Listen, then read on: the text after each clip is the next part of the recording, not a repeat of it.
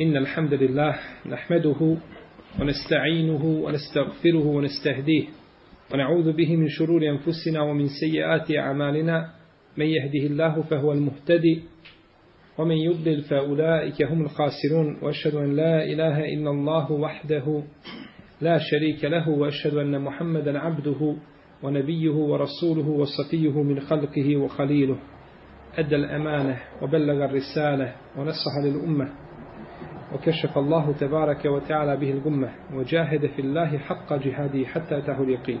يا أيها الذين آمنوا اتقوا الله حق تقاته ولا تموتن إلا وأنتم مسلمون.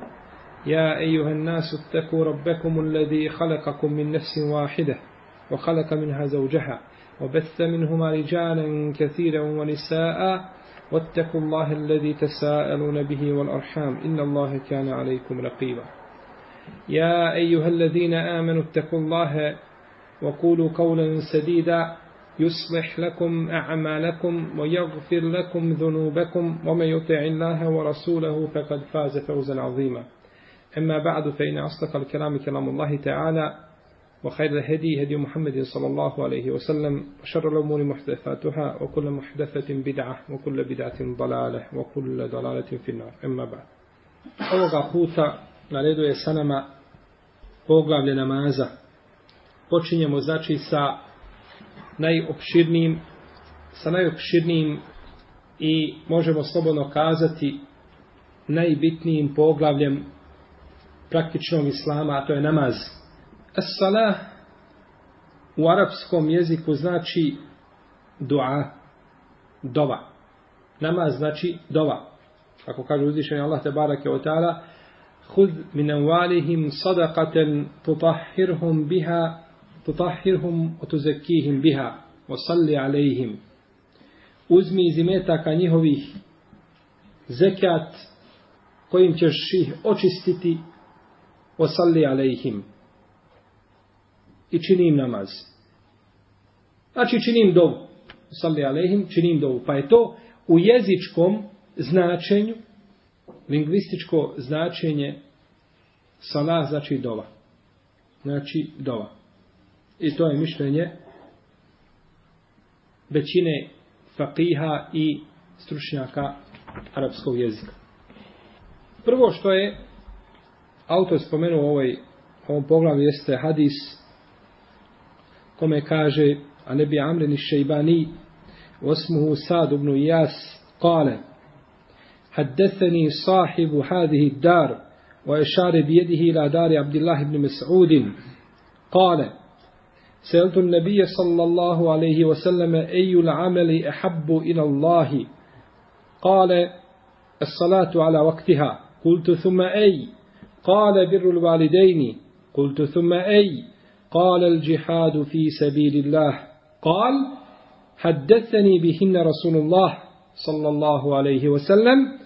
ولو استزدته لزادني od Ebu Amra Šejbanija koji se zove Sad ibn Ijas se prenosi da je rekao pričao mi je vlasnik ove kuće pa je pokazao svojom rukom na kuću Abdullah ibn Mesauda kaže pitao sam jeli Abdullah ibn Mesaud kaže pitao sam poslanika sallallahu alejhi ve selleme koje je djelo najdraže Allahu pa je rekao namaz u njegovo vrijeme Potom sam ga upitao, a koje je nakon toga? Pa je rekao dobročinstvo prema roditeljima. Pa je ponovo upitao Abdullah, a koje je nakon toga Allahov poslaniče kaže borba na Allahovom putu. Potom kaže Abdullah ibn Mesud, tako mi je pričao poslanik sallallahu alaihi wasallame, a da sam tražio i dalje ispitivao, on bi mi odgovarao. Ebu Amr Šejbani, on je doživio vrijeme poslanika sallallahu alaihi wasallame, ali je primio islam nakon njegove smrti. I takvi se ljudi zovu u hadijskoj nauci muhadrami. El muhadram je čovjek koji dočekao znači dva vremena ili dva perioda, period džahilijeta i nakon toga primio islam. Muslim spominje, ma muslim spominje nekoliko takvih osoba, oko dvadesetak njih, a ima i drugi kao El Ahnef ibn Kajs, kao Ebu Muslim el Haulani i drugi. Umro je 95. ili 98. ili 101. hiđarske godine, shodno razilaženju među istoričarima. Abdullah ibn Mas'ud, časni ashab, Ebu Abdurrahman el-Huzali, Ebu Abdurrahman el-Huzali, jedan od prvih koji su primili islam, učestvovao u bitci na Bedru i u drugim bitkama, on je taj koji je ubio Ebu Džehla na Bedru ili ga je dokrajčio. Učinio je dvije hijđe i klanjao je prema dvije kible, radijallahu ta'ala anhu. Bileži imam Tabarani da je Abdullah ibn Mesaud rekao, bio sam jedan od šesterice. Nije bilo sedmog muslimana na zemlji osim nas. Ja sam bio šesti musliman i nije bilo sedmog. Poslanik sallallahu sallam je obradao Abdullah ibn Mesauda džennetom. U hadisu koga bileži Ebu Omar ibn Abdel Ber u svome dijelu al isti'ab spomenuo je hadis koji ima dobar lanac prosilaca u kome je ibn Mesaud obradovan džennetom. I on je jedan od onih koji su naučili Kur'an na pamet za vrijeme poslanika, za vrijeme života poslanika sallallahu alaihi wasallame I njega je Allahov poslanik preporučio uz još trojicu da se od njih uzima Kur'an. Pa je prvi bio Abdullah ibn Mas'ud, drugi je bio Salim Meula Ebi Huzeife, Ubej ibn Kjab i Muaz. Radi Allahu ta'ala anhu međma'in. Bio je izrazito niskog rasta. Kaže se da bi čovjek koji je malo viši kada bi sjedio, da bi bio koliko i on kada stoji bio jako mršav i bio niskog rasta, radi Allahu ta'ala anhu.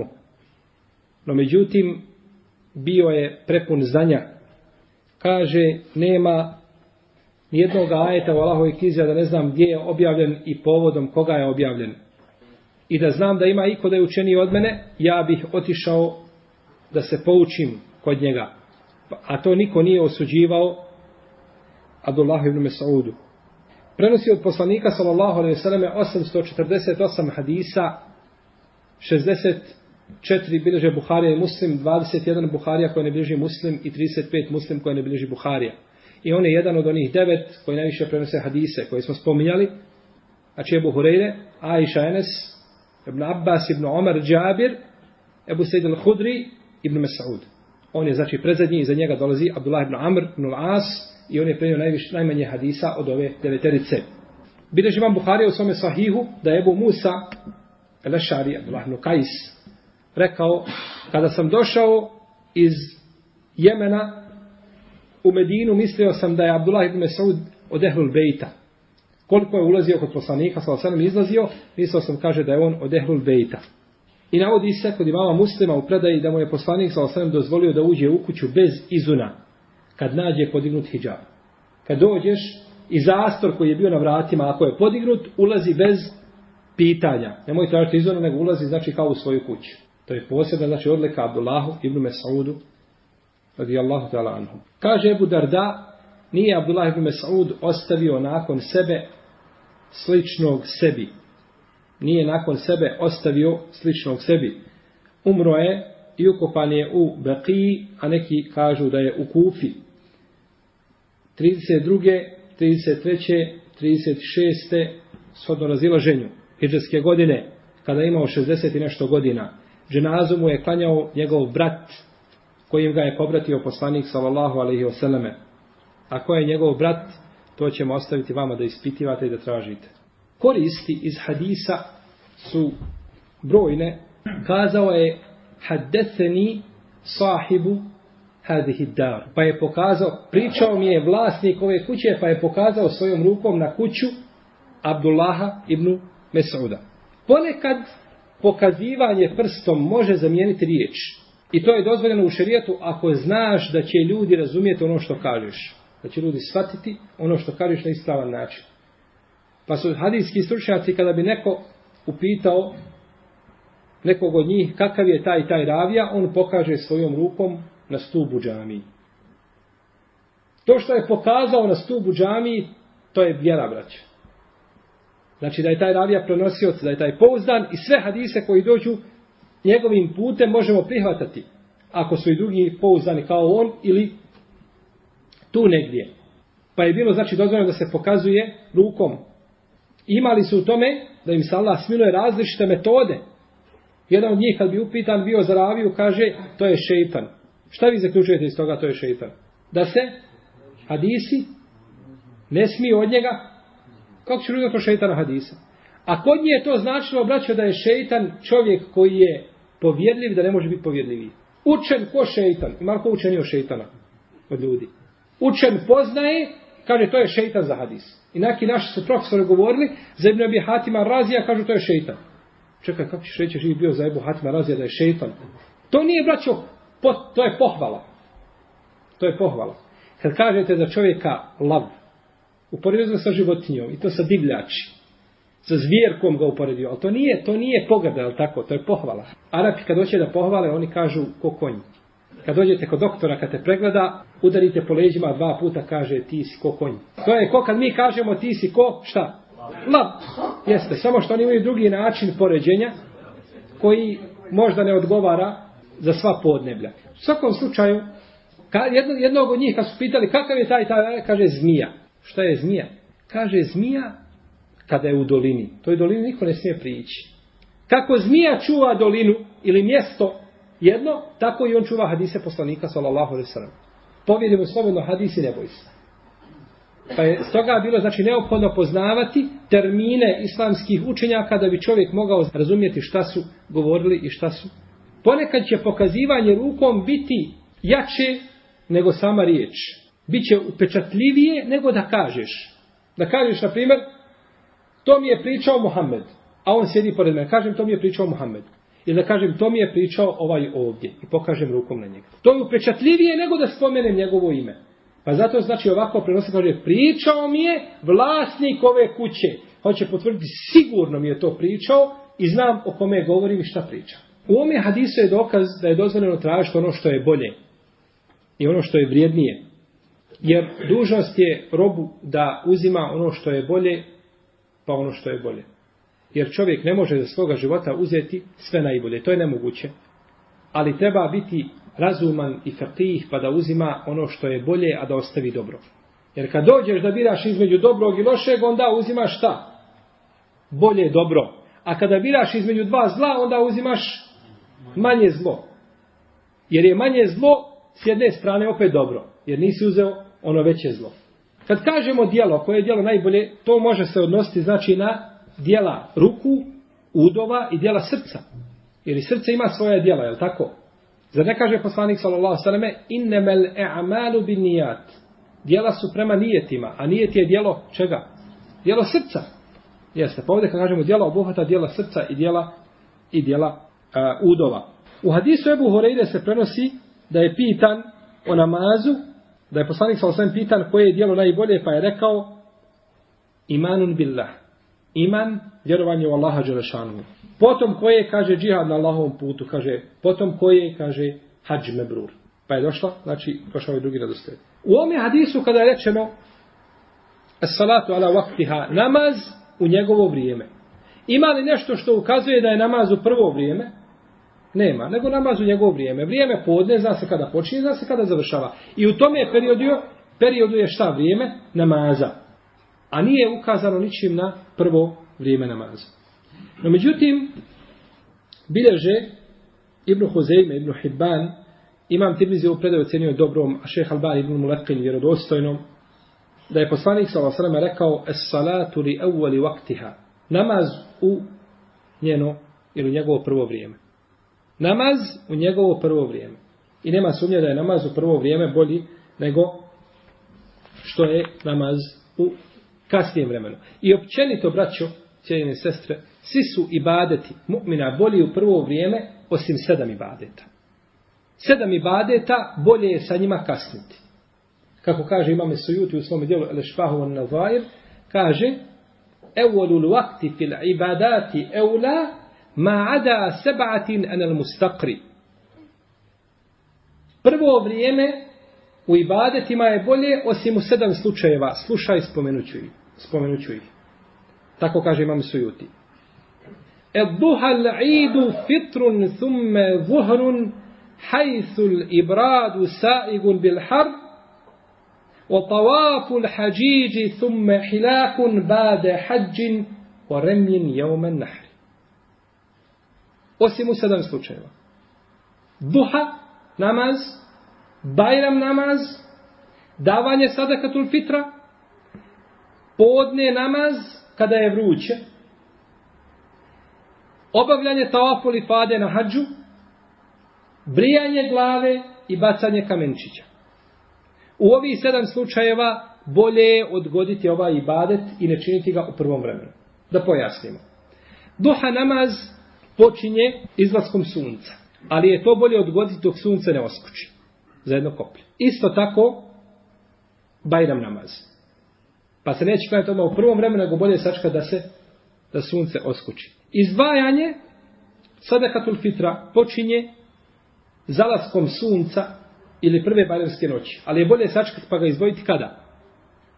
Neposredno prije Bajram namaza. Između sabaha i Bajrama. Podne namaz, kada je vruće, može se klanjati u prvom vremenu. Ali ga je bolje odgoditi kada? Prema ikindiji. Pa ga je bolje odgoditi kada je vruće prema ikindiji. Tavaf, hađski, tavaf olifada, i brijanje glave za hađije i bacanje kamenčića počinje od ponoći. Te bajramske noći. Ali ga je bolje odgoditi kada? Do jutra, do izlaska sunca. To je sedam ibadeta koje spomnju islamski učenjaci, kod kojih je bolje da se odgodi, da se odgode ti ibadeti, da se ne čine u prvo vrijeme. U protivnom je svaki ibadet bolji u prvo, u njegovo prvo vrijeme. Došle su različite verzije ovih hadisa u kojima se spominje ponekad različit raspored ovih najboljih dijela. U ome hadisu je došao namaz ispred dobročinstva roditelja, a poslije dobročinstva je došao džihad. A u hadisu Ebu Hureyre došao je prvo iman, potom džihad, potom hađ mebrur. I u hadisu Ebu Zara došao je iman, potom džihad. A u hadisu Abdullaha ibn Omara kaže Ejul islami hajr, koji je Islam najbolji kaže, poslanik sallallahu alaihi wasallame, da nahraniš siromaha i da nazivaš selam onima koje znaš i oni, onima koje ne znaš. I došlo u hadisu Ebu Musa i Abdullah ibn Amra, koji je Islam najbolji, kaže poslanik sallallahu alaihi vseleme, onaj od čijeg su, od čijeg su nedjela mirni, drugi muslimani. Takav Islam je najbolji. I došao u vjerodostojnom hadisu Osmana radijallahu ta'ala anhu, koga bileže Buhari i drugi, hajrukum men ta'allama al-Qur'ane wa 'allamahu. Najbolji od vas oni koji uče Kur'an ili se poučavaju Kur'anu i druge poučavaju njemu. I došli su drugi hadisi koji ukazuju znači na ovaj smisao. Neka ulema kada je govorila kako da se pomire ovi hadisi, jer ne može biti i ovo i ovo najbolje, mora, mora, mora nešto biti od toga. Pa su kazali, odgovori poslanika sallallahu alejhi ve selleme vezani su za čovjeka ili za ljude koji su pitali. Za ljude koji su pitali. Pa čovjek koji je hrabar, za njega je najbolje šta? Džihad. Čovjek koji ima puno imetka i para, najbolje za njega sadaka. I davali se odgovore. Čak ponekad se kaže, kada bi došao čovjek i zna se da nije dobročinitelj prema roditeljima i upitao poslanika sallallahu alejhi ve selleme koje je djelo najbolje, on bi rekao šta? Dobročinstvo prema roditeljima. Da ga podstakne na činjenje dotičnog djela, znajući, znači da, da je, jeli, što se tiče toga dijela, na zavidom jeli, nivou. Ove hadise, znači, možemo pomiriti na, na dva načina. Da kažemo da su vezani za različite ashabe koji su pitali, pa svaki bi dobio odgovor onako kako bi odgovaralo njegovom stanju i halu u kome se nalazi. I to dokazuju hadisom Ibn Abbasa u kome poslanik s.a.v. kaže hađ onome ko nije obavio hađ je bolje od 40 pohoda na Allahovom putu. A jedan pohod na Allahovom putu onome ko se nije borio, a obavio je hađ bolje od 40 hađeva. Znači, shodno stanju čovjeka. No, međutim, ovaj hadis nije vjerodostan, ovaj hadis je dajiv. Bileži ga Memel Bezar i on je slab. I drugo tumačenje jeste da se ovim ne misli da je najbolje dijelo, nego da se misli od najboljih dijela. I ovo je tumačenje isto jako. Znači, od kada je pitan poslanik sa osalem, šta to spada među najbolja dijela, kaže, namaz u njegovo vrijeme, potom dobročinstvo roditeljima, potom džihad na Allahom putu, imanu Allaha Đelešanuhu, potom džihad, potom hađme brur, znači sve to od najboljih dijela. A ne mora se znaš da su najbolja djela. I dokaz za to je hadis kome poslanik sallallahu alejhi kaže hajrukum hajrukum li ehlihi. Najbolji od vas su oni koji su najbolji prema svojim porodicama. A jasno je da čovjek ne može biti najbolji u svakom pogledu ako je najbolji prema svojoj porodici. Dobar prema svojoj porodici ne može biti bolji, no međutim naklanja. No međutim ne posti. Pije alkohol. Ne može biti najbolji. Ili je čovjek dobar prema svojoj porodici, a ogovara i dira u čast muslimana i napada muslimane, vređa muslimane, ili radi protiv islama, islama i protiv muslimana, ne može time znači biti nikako najbolji. Može doći do stepena do najgori. Misli se najbolji od vas su oni koji su najbolji prema svojim porodicama, ako učine ono što Allah traži od njih i klone se onoga što im Allah zabranio. Znači tako bi bilo tumačenje jeli, hadisa. U ovom hadisu dadana je prednost dobročinstvu roditeljima nad džihadom i on je jasan argument znači o vrijednosti dobročinstva. Da je vrednije znači od, od džihada. A kazat ćemo, vidjet ćemo znači o kome se džihadu radi ovdje. A što se tiče dobročinstva prema roditeljima, ima raznih puteva i načina čovjek bude dobročinitelj svojim roditeljima. Da se prema njima lijepo ophodi i da čini ono što ih veseli i radosti, a ne ono što mrze i što preziru. I čak je poslanik s.a.v. ubrojao u dobročinstvo prema roditeljima da čovjek bude dobar prema prijateljima svoga roditelja nakon smrti, kako kaže u hadisu koga bilježi ima muslim, inne mine berri il birri en jesila rađulu ehle vudije bihi. Od najboljih dobročinstava je da se čovjek lijepo obhodi prema prijateljima svoga oca. Prema prijateljima svoga oca. Od Selefa se navodi da su govorili, nikada se nisam popeo na drugi sprat ili na krov kuće, a moji roditelji ispod mene. Nikada. Iz poštovanja prema njima nikada nije dozvolio da bude on iznad babe ili iznad majke. A drugo, kad su pitali da opiše oca i majku, kaže tako mi Allaha, kaže ja ne znam kako oni izgledaju. Nemam, kaže, snage da pogledam njima u lice iz poštovanja prema njima. Nikada, kaže, ne gledam im u lice, ne znam, kaže, kako moji roditelji izgledaju. Stalno je, kaže, moja glava pred njima oborena. Iz poštovanja prema roditeljima. I tako mi Allaha kada bi čovjek u ruke otpale i noge i jezik pričajući dobra, dobre lijepe stvari i radeći dobra djela da se oduži svojim roditeljama ne bi se odužio ni jedan mali dio koji su oni njemu činili dok je bio, dok je bio mali. A džihad se dijeli u dvije vrste. Imamo džihad koji je fardu ajnin, on je obave, obavezuje znači svakog muslimana pona osob koji je sposoban za borbu. I imamo fardu kifaje, a to je džihad koji je kolektivnog karaktera, ako obavi tu obavezu dovoljan broj muslimana, tada spada grijeh sa ostalih. U protivnom, svi će biti griješni. Ali ga mora, znači, obaviti dovoljan broj muslimana. Došlo u jednom hadisu, koga spominje Muhibbu Edine Taberi, da je poslanik s.a.v. pitan u hadisu Ibn Omera, koje je dijelo najbolje da je rekao učenje Kur'ana u namazu. Kaže, potom koje Allah poslaniče, kaže učenje Kur'ana mimo namaza. I rekao je onda poslanik s.a.v. najbolje od vaših dijela i najdraže Allahu je namaz, a potom istikfar i dova Allahu Đelešanu. No, međutim, ovaj hadis nema ispravan lanac prenosilaca. Nakon spomenutog hadisa, Abdullah ibn Mas'ud kaže, Haddeseni bihine Rasulullah sallallahu alaihi wa sallam. Pričao mi je o tome Allahov poslanik sallallahu alaihi wa sallam. Šta je na početku rekao Abdullah ibn Mas'ud? Pitao sam Allahovog poslanika. Pa zbog čega nam onda na kraju kaže tako mi je pričao? Pa ti si nama spomenuo na početku da si pitao Allahovog poslanika sallallahu alaihi sallam o tome. Zašto na kraju kažeš pričao mi je Allahov poslanik? Ovim stvarima. Jednostavno Ulema kaže ovdje da se potvrdi da se svaka šubha ili sumnja koja bi mogla da dođe kod nekoga da se izbije, da to Allahu poslanik nije tako rekao i da nije dao prednost namazu nad dobročinstvom i dobročinstvu nad džihadom. Da sam tražio više, on bi mi dao i dalje bi mi odgovarao. Ulema kaže, ovo se može protumačiti na dva načina. Prvo, da sam tražio i dalje da sam pitao, a potom koje je dijelo, a potom koje je da bi mi šta odgovarao. I drugi način da sam ga pitao bilo koje drugo pitanje, opet bi mi odgovarao. Bilo ovo ili ovo. I ovome hadisu je dokaz da je dozvoljeno pitati o onome što je najbolje. Da se pita nešto što je najbolje. Šta da čovjek uradi u datom momentu? Šta mu je najbolje? Šta je prioritet? Mogu raditi tri ili četiri dijela. Šta je prioritet? Pa da se pita znači za ono što je najbolje.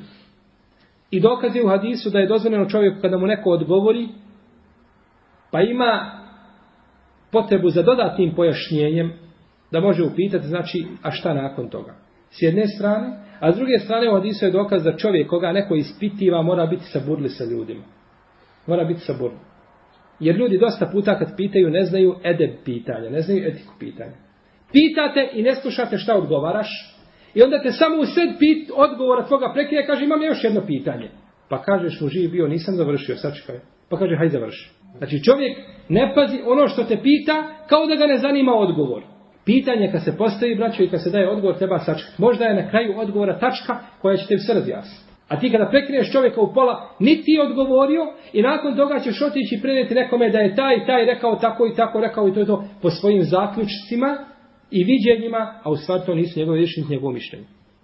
Ibn Usaymin, kad čitaš njegovu knjigu, on spomene hambelijski mesel. I kaže, znači treba tako i tako raditi. Sve navodi argumente za potvrđivanje toga, mi znamo da Ibn Usaymin šta? Hambelijski mezeb je li slijedio, iako se nije sve podržao tog mezeba. Budući da je u Saudijskoj Arabiji zastupljen uglavnom hambelijski mezeb. I čitaj navodi argumente i tako treba i pojašnjavati propis kako treba šacat, propis pojasni. I onda dole negdje na kraju, nakon dvije stranice, kaže, no međutim, kaže, ovo je slabije mišljenje. Kaže, ispravno je mišljenje to i to, pa spomene šta je ispravno mišljenje argumente. Ti koji bi čitao to da se počeo čitati, ti bi čitao red, dva, tri, kao jeste baš tako Ibnu Semin to zastupa i napišeš negdje i to je mišljenje Ibnu Semina. A nije to njegovo mišljenje. Tako i čovjek može nekad kazati stav, pojašnjavati, braniti neki stav, a međutim da kaže na kraju, ali ja se s tim ne slažem, jače mišljenje ovo je ovo. Pa ti nisi saslušao do kraja šta se kaže i nakon toga se pogrešno, pogrešno razumije. A da ne govorimo kakav to fesad i kakav to nered izaziva nakon toga što se pogrešna mišljenja i pogrešna riječ prenesu ili što se pogrešno tumače. U svakom slučaju, ovo je za čovjek kad mu neko, kada neko pita da bude sabudli sa ljudima, ali braću ne može se drugačije vjera prenositi.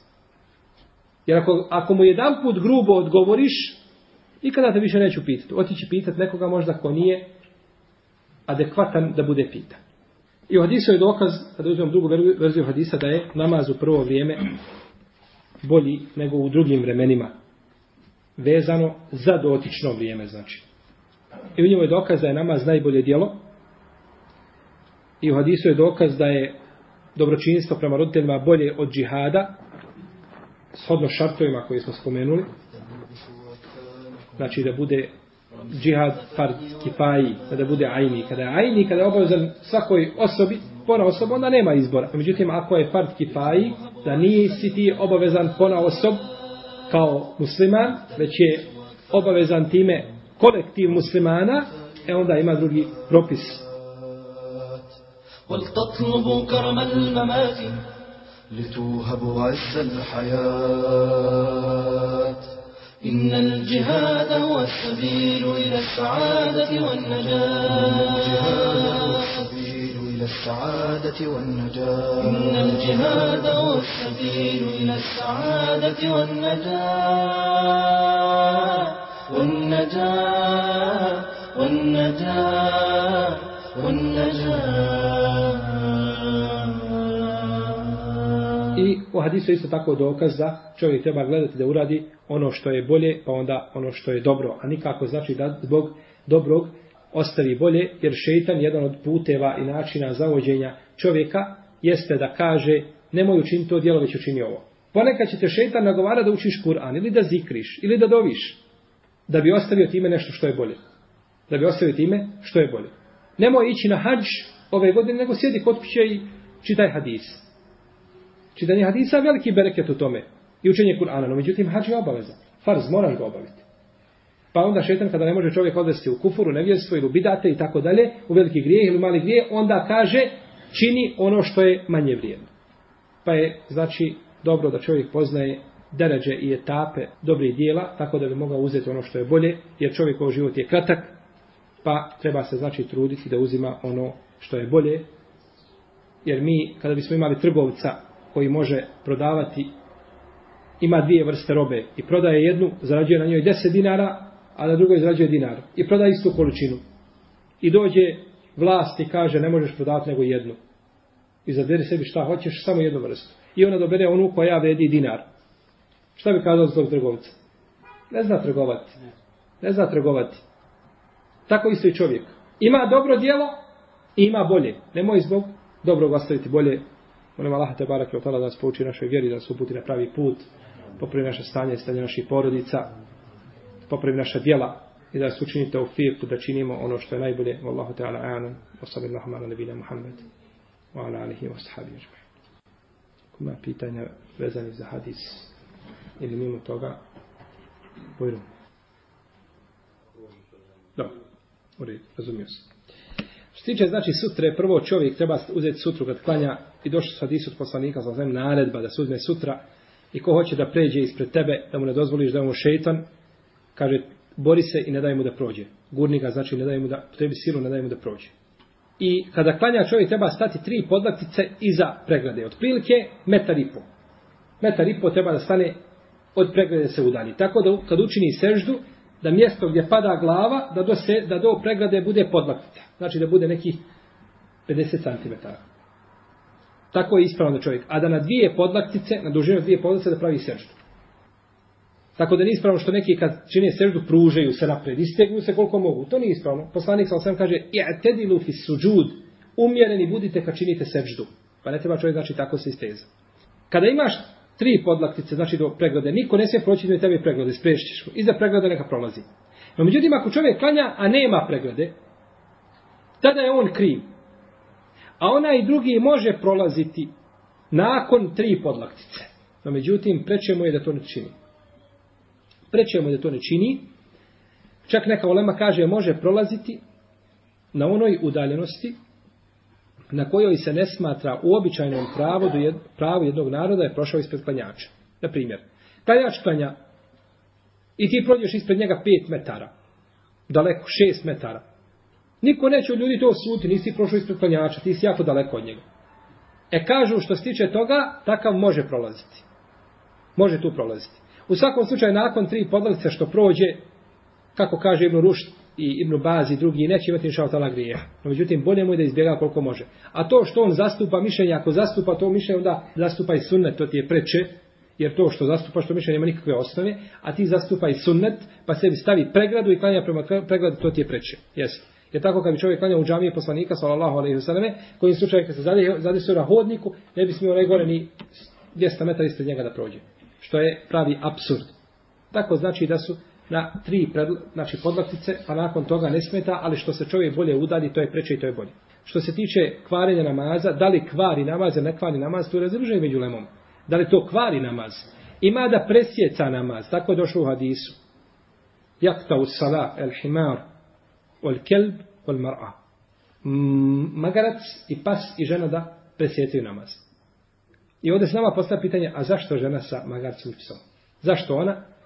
Ovdje nije spomenuta žena zbog poređenja. I nema veze sa poređenjem. Nego je ovdje spomenuta žena zato što može da izazove fitnet koja, kakav bi to namaz bio da ti, da ti klanjaš i žena se šeta ispred tebe. A ti klanjaš, ti u namazu. Gdje je ta, kakva skrušenost? Zbog toga da žena ne ide, znači da, da, da se ne desi jeli fitnet, pa da čovjek ne odluta od namaza, Allah zakon može otići. A s druge strane, pas, dželakumullah, i magarac, zna se zbog, jeli, zbog hala i stanja tih životinja, Allah ne bude zna zbog čega je to tako.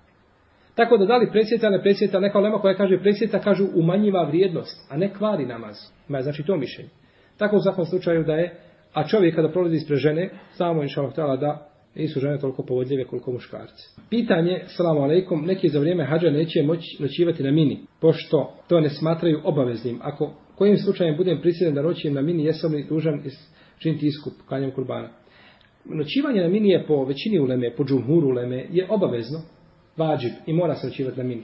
I oni koji ne noćivaju na mini, oni odstupaju od jasnog sunneta po tom mezhebu, mezhebu Ebu Hanife, a po drugim mezhebima je vađib, moraju. Tako da nikako ne mogu shvatiti da ljudi, i još ne samo to, neki se izrugivaju, kaže ljudi gore, kaže, spavaju na kamenju, oslomiše se gore, kaže, na kamenju spavaju. Pa ne spava se na kamenju, nego spavaju, znači, u šatorima, ajde spavaju na kamenju, u čemu je problem? Šta je problem? Pa Allahov poslanik sa osvijem spavao na kamenju. Niste vi bolje od Allahov poslanika, sallallahu alaihi sallam. I ako je on mogao pržiti na suncu, pržite se i vi. A ne pržite se, imate klima uređaja živi bil. Tako da znači da je noćivanje na mini obavezno, po ispravnom mišljenju, da je to važiv. I ko ostavi noćivanje na mini, jedan dio uleme kaže mora za svako veče zaklad po žrtvu. Svako veče, što se ostavio, od one tri večeri druge, jeli, što, što ostaje čovjek nakon toga u danima tešrika, a ne ona prva, jel, ona, onaj prvi izlazak na minu osmog dana Zulhidžeta ili dana Teruje, on je sunnet, nije vađib, pa ko ostavi ove druge mora, tako da je čovjek dužan shodno mogućnostima da nastoji da iziđe. Da iziđe znači da boravi na mini. I da mu ne bude opravdanje oni koji neće da izlaze na minu pod izgovorom da je to sunnet. Šta ako je sunnet? Da je Ebu Hanife dole i da vidi ljude koji kažu mi smo Hanefije i nećemo na minu. Ja se bojim da se Ebu Hanife sablje fatio.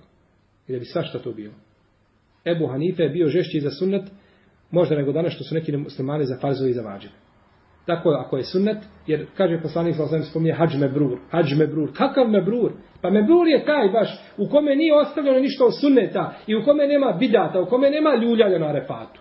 Nego znači da se obavi hadž kako ga je obavio poslanik sallallahu alejhi ve alihi wasallam. Ako ostavi osnova je da je dužan da se iskupi, Allah najbolje zna. Poznato je da je u islamu zabranjeno crtanje likova, međutim čak i u islamskim udžbenicima imamo slike, pa čak i crteže likova, kako to pojasniti narodu, da je to zabranjeno kada u samim udžbenicima imamo kontradiktornosti o zabrani.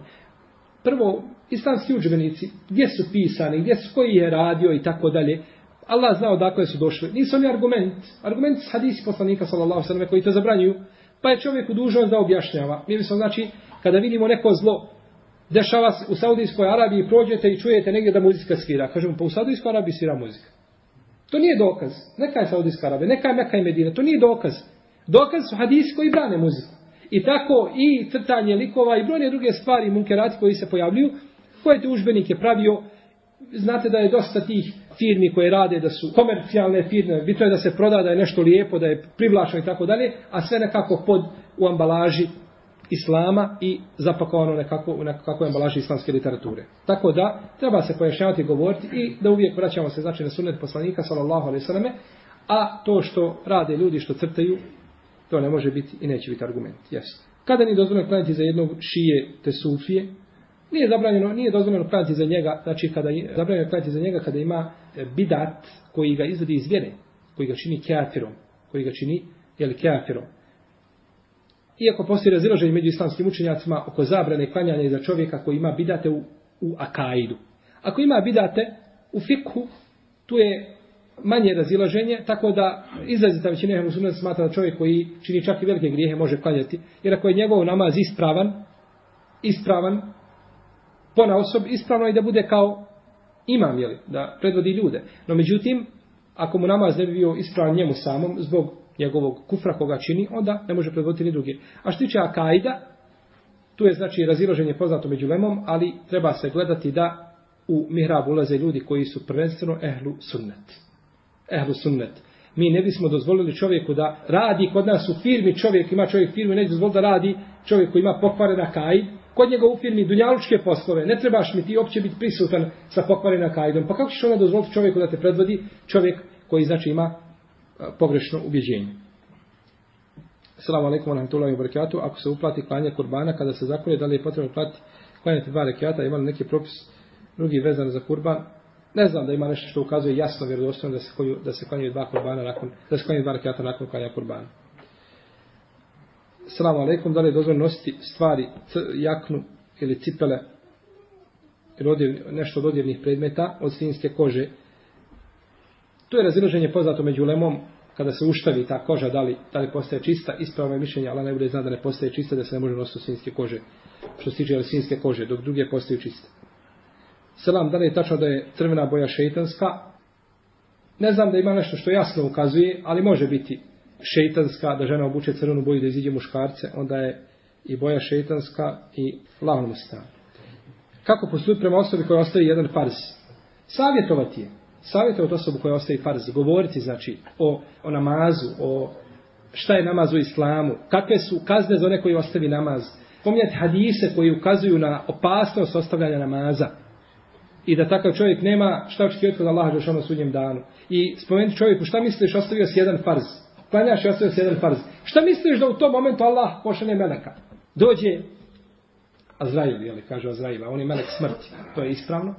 Ime njegove melek smrti. Tako je Allah još ona zbog Kur'ana. I dođe i uzmeti dušu u tome momentu. Kod Allaha dolaziš, pred Allaha te barak je od dolaziš kao čovjek koji je ostavio namaz. Kao čovjek koji je ostavio namaz. Jer čovjeku će biti zapečaćeno zadnjim dijelima koje čini i da čovjek dođe u takvom stanju, to je najveći musibet za njega što može biti na zemlji. Nema većeg musibeta od toga. Znači, pojašnjavati, govoriti, možda lažeš onda uputi osobu. Poštovani profesore, da li je ispravno ženi da radi kao čistarca? Ne, mi, ne miješa se s muškarcima, ali dakle čisti ima muža i nije u nuždi. Ako žena radi kao čistarčica, a ne miješa se sa muškarcima i nema ništa što se kosi sa šerijatom, onda je dozvoljeno da radi. Ne možemo kazati da je zabranjeno. No međutim ima ovdje jedna druga stvar. Čovjek treba izbjegavati, jer žena sama rad, izlazak iz kuće i odlazak i povratak i tako dalje, sam po sebi problematičan. Ako nije naš, ako nije u nuždi, muž. I druga stvar, zbog čega da dozvoli svoje žene da on ide čistiti? Zašto naše žene uvijek moraju čistiti smrad koga prave nevjernici? Znaš ako nisu nuždi? Ako su nuždi pa žena mora raditi, molite Allaha Grešanu da lakša je da pomogne. No, međutim, ako nisu nuždi zbog čega, dozvoli svoje žene znači da čisti, da čisti, jer to je poniženje, to je poniženje za nju. Allah Teala. Ispravno je da ljudi ostaju na kaburu dok mejice ne prekrije, znači kabur zemljom i nakon toga poslanik s.a.v. kaže dovite vašem bratu, on se sad ispituje i nakon toga ide dova. Nije duže da čovjek mora ostati. Ne moraš ti ostati širijatski, nisi griješan ako odeš. Ali nakon toga biva dova i to je najbitnije vrijeme za Mejita. Nije za Mejita bitno da li ćeš ga pratiti. Koliko mu je bitno tu sada da mu, ako Bog da Allah tvoj dovu usluša. Jer je to mjesto kada dolazi čovjek i biva pitan. I kaže, sada mu dovite, sada biva ispitivan. Tako da je lijepo čovjek da ostane u tome momentu i da dovi mejtu. Naravno, ono kako se radi u našim podnebljima da hođa uči talkin i da dovi on i drugi viču amin, tako da je to nema osnove, nego ispravno da svako dovi zasebno za mejta. Tako kaže poslanik Sosak. Kaže, dovite sada vašem bratu, obrića sa sahabima, pa je on uzeo sam dovio i dovili se drugi sahabi. Pa je to ispravno. I lijepo je čovjek da ostane, ali u svakom slučaju, ako klanja samo dženazu, mislim da ima onu nagradu koja je došla u hadisu, jer poslanik sa osame kaže da ko klanja dženazu i ko prisustvuje ukopu dok se ne ukopa mejt, ima nagradu na dva klintara. Kad je pitan šta je klintar, kaže kao uh, u hadisu kod muslima, kaže manje od njih je kao brdo Uhud. Ima znači od, od dobrih dijela. Tako da inšala samo prekrivanjem zemlje da će dobiti tu nagradu. Međutim, najbolje da ostane da dovi, jer svako će od nas biti potreban i te kako biti potreban te dove od drugih.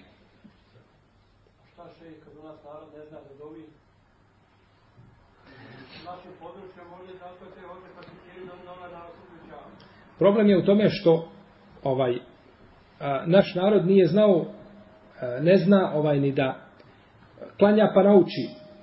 Nauči znači i dove i svega toga nešto nauči. A najzad problem ovdje nije u narod, nego problem u onima koji trebaju da objasne narod. Da mu kažu ne moraš ti dobiti na arapskom jeziku. Ovo nije namaz. Digni ruke i kaže gospodar moj oprosti mu. Gospodar moj učvrsti ga. Gospodar moj a, učini ga od onih koji će odgovoriti na ovaj ispravan način. Gospodar moj oprosti njegove grijehe. Odi ga u džennete. moj kaže na tu kaburu. Go, svojim riječima dovi. Ne mora biti na arapskom jeziku. Ali je problem što se taj dio drži zatvorenim jer od toga neko ima korist. Pa kad se taj krug otvori, onda ističe ono što neko sakuplja za sebe. U tome je problem. Tako da ljudi mogu dobiti, svoj, dobiti svojim riječima.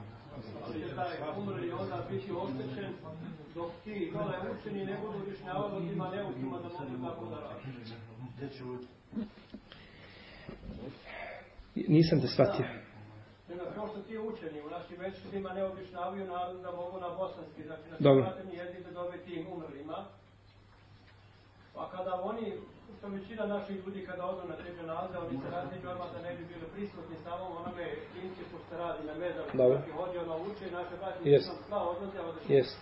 Znači oni umrli koji ostaju dole u kaburu, oni su izloženi samo dalje da viće narod amin.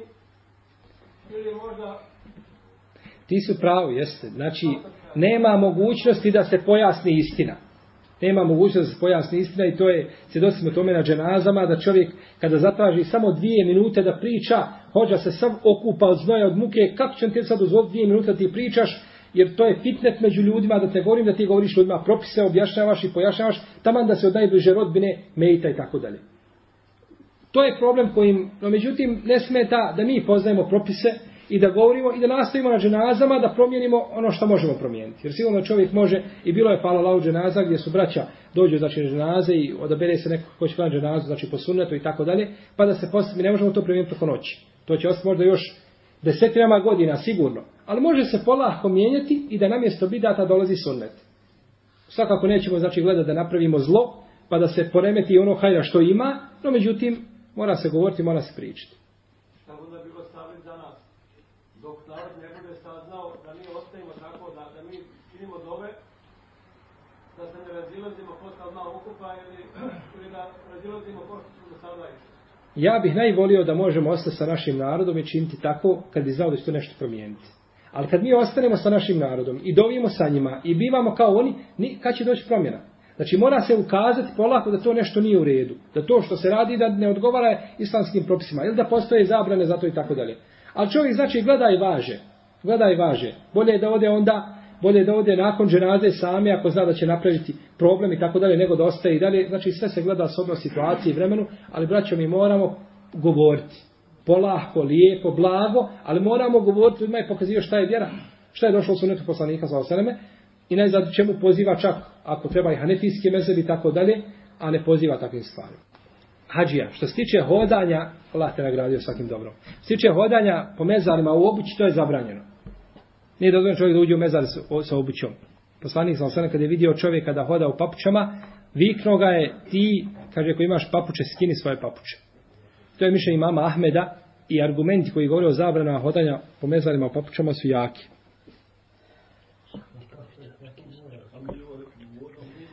A većina uleme kaže da je dozvoljeno i koriste argumente koji ne mogu biti dokazi da sad ne ulazimo u objašnjavanje svega toga. Uglavnom, ispravno je da hadisi brane ulazak u mezare. E sad mi imamo problem. Ne vrijeme, a, snijeg, kiša, blato, kako to riješiti? Znači moramo, kad bi u mezarima bilo staze posebne za pješake koji mogu ići, inšala da ne bi smetalo. Međutim, da se hoda preko mezara, u obući ono što se radi, to, to je zabranjeno. To nije dozvoljeno. Ne općenito samo to. Općenito nije dozvoljeno čovjeku došla zabrana da se sjedi na mezaru i tako dalje, da se gazi po mezaru i tome. Pa ovaj, a, ispravno je mišljenje da čovjek treba kad dođe u mezare, ako već ne izuva cipele, onda da gleda gdje staje, kuda hoda, da znači ne, ne hoda po mezaru. Salamu alaikum. Da li je zabranjeno slušanje ilahija koje imaju muziku? Kako da objasnim djetetu? Kad dijete kaže ne možemo u muziku i ilahije ne možemo ništa. Slušanje ilahija sa muzikom nije dozvoljeno. Jer mu, nije ovdje problem ilahije. Problem, su, problem, je, problem je muzika. Problem znači muzički instrument. Isto tako pjesma. Kada bila neka lijepa pjesma, borbena, pjesma i koja je sa muzikom. Kad bismo makli muziku, možemo slušati tu pjesmu. Ne smeta. Znači u kojoj nema ništa da se vrijeđa, nema potvora, nema laži, nema vrijeđanja, nema izraza koje su širijetski zabranjeni i tako dalje. Ne smeta to slušati. Međutim, ovdje je problem znači muzika. Sam je muzički instrument. To je problem. Pa bilo muzički instrument kad bi bilo da vićemo ezan da uči uz muziku, kažemo to je zabranjeno. Kur'an da uči uz muziku, da kažemo, pretpostavimo to, ne možemo slušati to učenje Kur'ana. Jer više nije problem učenja Kur'ana, nego je problem u čemu? U muzici. Tako da treba znači izbjegavati sve ilahije koji imaju ovaj muziku. Alhamdulillah, danas Allah dao ima ilahija, mogu se i na stranicama, ovim forumima, sa interneta, možete skinuti sebi ilahija, kakvi hoćete, kakvi zamislite, imate CD-eve posebne bez, bez muzike, plaho lijepi ilahija, tako da ko već hoće da sluša, jeli, raside i tako dalje. A djete to objašnjavati, nalaziti zamjenu. Ne možemo djeti samo jedan put kazati, ne može. To ne može proći. Ali možemo polako zamjenu, mjesto ove stavite ovu, mjesto ove stavite ovu, i znači da se nadomjeste ilahije koje su bez muzike, da zamijene one koje su sa muzikom. Da li žena isto tako ne smije sjeći nokte prije klanja kurbana? Ne smije ako je ona ta koja prinosi žrtvu za sebe, s jedne strane, ako ona plaća i tako dalje, za nju vredi isti propis. Jer poslanik sa osvome kaže, ko bude htio kurban da kolje, neka ne uzima u zadnjih, znači tih devet dana ili deset dana, kako se već kaže, od svoje kose i od svojih noktiju i od svoje kože. Da ne čopa ovu kožu oko noktiju, što se obično radi, ili da se muškarac koji je primio islam, recimo, obreže i to ulema navodi kao jedan od, od mogućnosti, zato je kada je spomenuta koža. Jer čudno je nekima zašto je spomenuta koža, a došla je koža kod mama muslima u njegovom sahihu. Kosa, nokti i koža. Tako da žena isto koja namjerava da kolje kurban i ona plaća kurban iz svoga imetka, ne smije to raditi. Međutim, ako babo, muž njen, plaća kurban i on ga kolje, onda je on dužan samo da to ne uzima od, od nokti, od kože i od kose, a porodica sva druga može. I žena i djeca, svi drugi mogu, imaju nagradu sa njim. Allahu Teala da li je poželjno, na primjer, žena ako ona plaća kurban sama za sebe, da ih zakolje sama? Da li je poželjno ženi da ona zakolje sama kurban? Jeste. Umu Seleme je klala sama kurban. Umu Seleme je klala sama sobom kurban i lijepo je ženi da zakolje kurban i to je stav izrazite većine islamskih učenjaka, čak neki navode konsensus pravnika, da je ono što zakolje žena da je ispravno jesti. Tako da žena isto, iako možda to ne odgovara njenoj fitri i prirodi, jer većina žena je plašljiva i strašljiva i tako dalje, našto to učina klanja, no međutim ako može sama sobom zaklati, ako se ne boji, ne smeta. Jer mi smo spominjali ovdje, braći, da kada čovjek sobom uradi to dijelo, to povećava njegov iman. On osjeti da se je pokorio Allahu Đelešanu. On osjeti, znači, taj ibadet. Međutim, ti ga platiš i zakon njegov u Palestini podijeli ga. Da ga ti zaklao i odnio i pa ga podijelio ga komšijama i ti, ga, i ti iskuhao sebi ručak od toga i jeo, znaš da je to kurban. To povećava čovjekov iman. A to je cilj od toga, kako kaže Allah Žešanu, le je Allahe luhumuha, ola dimauha, ola ti je naluhu takom. Allaha, do Allaha neće doći, ni meso od tih žrtava, niti krv, ali će doći takva i vaša bogobojaznost. Poznato da naše, na primjer, majke, sve ove starije žene, kolju do sada klale kokoš same. Mm. Dobro. Može dakle kokos, koji više to otima i to tako. Ima znači razlike između klanja ipak ovaj pileta i kokoši i e, ovce, tu je razlika vidna, tako da ako žena može, lijepo je da uradi, postupće kao što radila majka vjernika, a ako ne može, ako se boji, ne sve da šalotala bilo ko da uradi, ali vrijede za nju, znači propisi onoga koji kolje kurban shodno uzimanju od ovih stvari koje se spomenuli. Jeste. Da dijete ima želju za zakolje i da bi moglo zakolje, da, da li je tim za dijete za zakolje? Išao tela ako zakolje sa bismilom i presjeće ono što treba je ispravno. Jer dijete može predvoditi namaz, dijete od 6 ili 7 godina, čak može namaz predvoditi, to je ispravno mišljenje Boga Disa da je jedan sahaba sa 6-7 godina predvodio namaz. Tako isto je ovo ispravno će biti, no međutim, mislim da je bolje da to uradi odrasla osoba. Da dijete gleda možda da se uči i tako dalje, pa kada bude jači, jer ne znam kakve to može posljedice imati na samo dijete i tako dalje, možda sve to treba sagledati, pa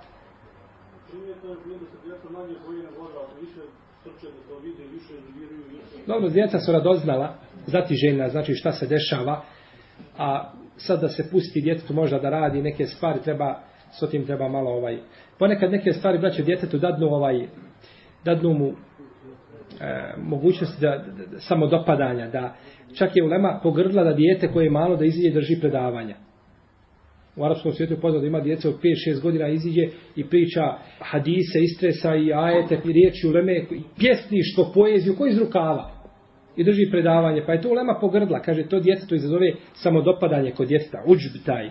Tako je djete mnoge stvari kad radi, znači povećava, možemo do oholosti ga dovesti, tako da je. Tako da, ne znam da ima nešto u šerijatu što ukazuje da se djeca sahaba tako radila. Allahu ala. Če kada neko plaćiva kurbane, primjer Palestina ili dole u Medresi, da li za njega isto vedi ta zabrana uzmanje nokti ili koseža? Gdje god da uplaćuješ ti koji, koji si vlasnik kurbana, koji si kupio kurban i daješ ga klanje, nema veze gdje se kolje, to vredi za tebe. To vredi za tebe, jasno. Sunet je da se braće kurban podijeli onako meso, znači svježe da se podijeli, zakolje podijeli se ljudima i svako sebi priprema hranu. To je sunnet. Dok je kod akike sunnet da pripremiš da skuhaš ili da okreneš aražu, nije bitno, i da pozoveš ljude. Tako je kod akike.